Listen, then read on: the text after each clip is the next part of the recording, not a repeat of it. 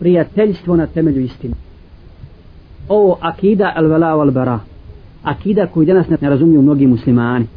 Ja kažem kada bi muslimani poslije tevhida razumjeli dobro samo ovu akidu al vela wal bara dakle istinski da prihvate tevhid da se ne miješaju nikakvi firkijati s tevhidom da samo Allahu robuju i da razumiju ovu akidu prijateljstva i neprijateljstva u ime Allaha Đelešanuhu sve ovo između toga lahko bi se dalo srediti lahko bi se dalo srediti dakle zbog ovog nerazumijevanja ove akide zbog nepovezanosti istinske imanske ove veze koja nam fali dešavaju nam se ove stvari. I onda nam je lahko i razumljivo zašto policajac musliman diže ruku na muslimana zašto? Onda nam je lahko zašto predsjednik jedne muslimanske države izdaje svoj narod kao što je to Jasar Arafat koji je u potpunosti izdao sad otvoreno radi kao nikada protiv svoga naroda. Dakle to su bitne stvari. I kad duša dođe do grla kad dođu iskušenja onda Huso iz Iraka poziva Arape da se ujedine oko arabizma. Nema to vallahi snage. To nema snage. To je džahilijet to je paganizam. Zar vam nisu nevjernici dinski dušmani upravo i zabacili to da se uhvatite za taj nacionalizam? Međutim propali se zbog toga. Islamska veza imanska veza je samo jaka i ona može ujediniti muslimane i može ih održati. I tada ona i može otvoriti vidike da vide gdje su, u kakvoj su situaciji i šta im je raditi i činiti. Ko im je prijatelj, a ko ne prijatelj. Kad se ovo ne da razlučiti čovjek, kad ovo ne može razlučiti, gotovo je. Onda mora biti bela, Mora biti fitna i mora biti nepravda. Jer onda će musliman prijateljovati sa nemuslimanom. Prijateljovat će sa onim koji želi zlo islamu. A to se ne smije desiti. A nama se to desilo. To je naša stvarnost koju mi živimo. Zato na ovo moramo skrenuti pažnju opet kažem ne preko koljena. Ne, nego nego polahko postepeno uvoditi ljude objašnjavati im islam ako znamo i na tom putu nam ne smije ponesati sabra ne smije nam nestati sabra na tom putu Boga mi. Ja sam malo prije rekao na početku lahko ćemo da u presjeć međutim ne smijemo dozvoliti sebi tako da kažemo sad se nešto mora uraditi gotovo je. Znači nisi razumio stvarno dobro hajde šta bi uradio? Šta bi uradio? Šta bi ti uradio? Zar nisu ashabi bili na većim iskušenjima od nas? Znamo za Hamzu radi Allah došao poslaniku sa strane kaže zašto se ne borimo protiv njih? Jesmo mi na istini? Jesmo. Pa daj da idemo da se borimo. Jesmo mi veći muđahidi od Hamze? Ne ljubomorniji od ashaba prema islamu? Ni blizu. Ni blizu Boga mi.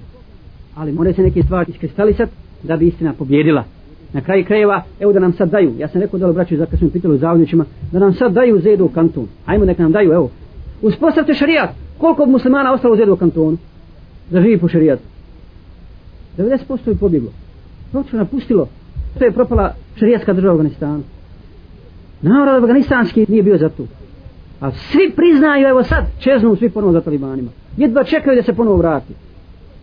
Međutim, onaj koji je pio alkohol nije mogu da, da ostane alkohol. Onaj koji je činio zinaluke, vala taliban, ne da je činio zinaluke, to šrije zabranje, ma ne mogu se toga tako lako osloboditi. Ako se ne oslobodiš, normalno sjediš rijeska kazna. Pa nisam najko da klanjam svaki vakat, a mora ako si musliman, ako izgovara šehadet, niko ti nije, jer osim da izgovori šehadet. Moraš ići na namaz, mora se džemat ili klanjati. Dobiješ bičak, ne ideš u džamiju, kao musliman. E, vala, to je teško, teško je to trpiti. Ljudi moraju shvatiti. Šta je islam, šta im šarijat nudi?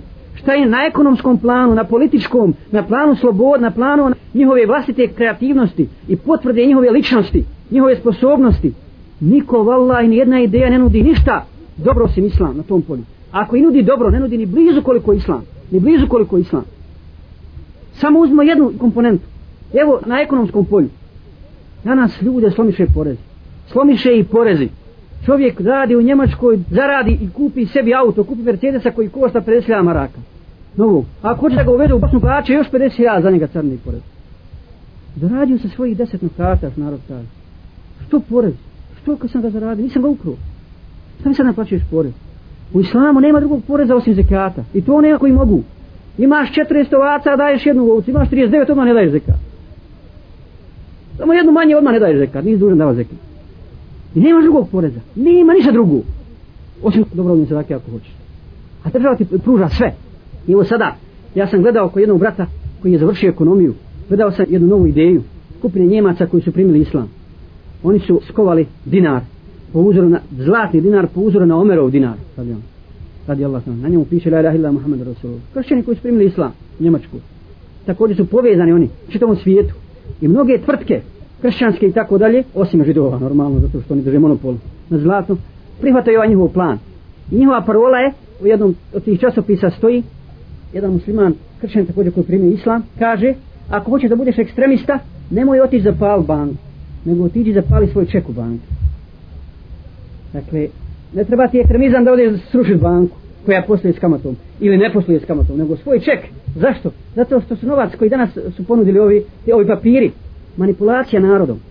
To nije vrijednost. Mi smo govorili svi marka je vrijednost marka je stabilna. Pa kada je stabilna što si je ukinuli?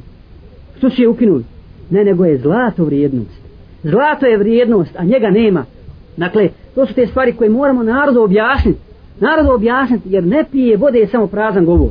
Moramo nešto u praksi potvrditi našim ponašanjem lako je tekbirat. Lako je tu nije problem tu. Čak je i lakše i džihad voditi i u to smo se ubijedili često puta je lakše džihad voditi mada je žrtva veća. Ali ponosniji čovjek zna šta hoće i gotovo ide u ime Allaha nego da učini. To je mukotrpno. Ali nam je cilj da se što više ljudi spasi džehendama da nam ne bi sutra bilo na sudnjem danu svjedoci, svjedoci protiv nas.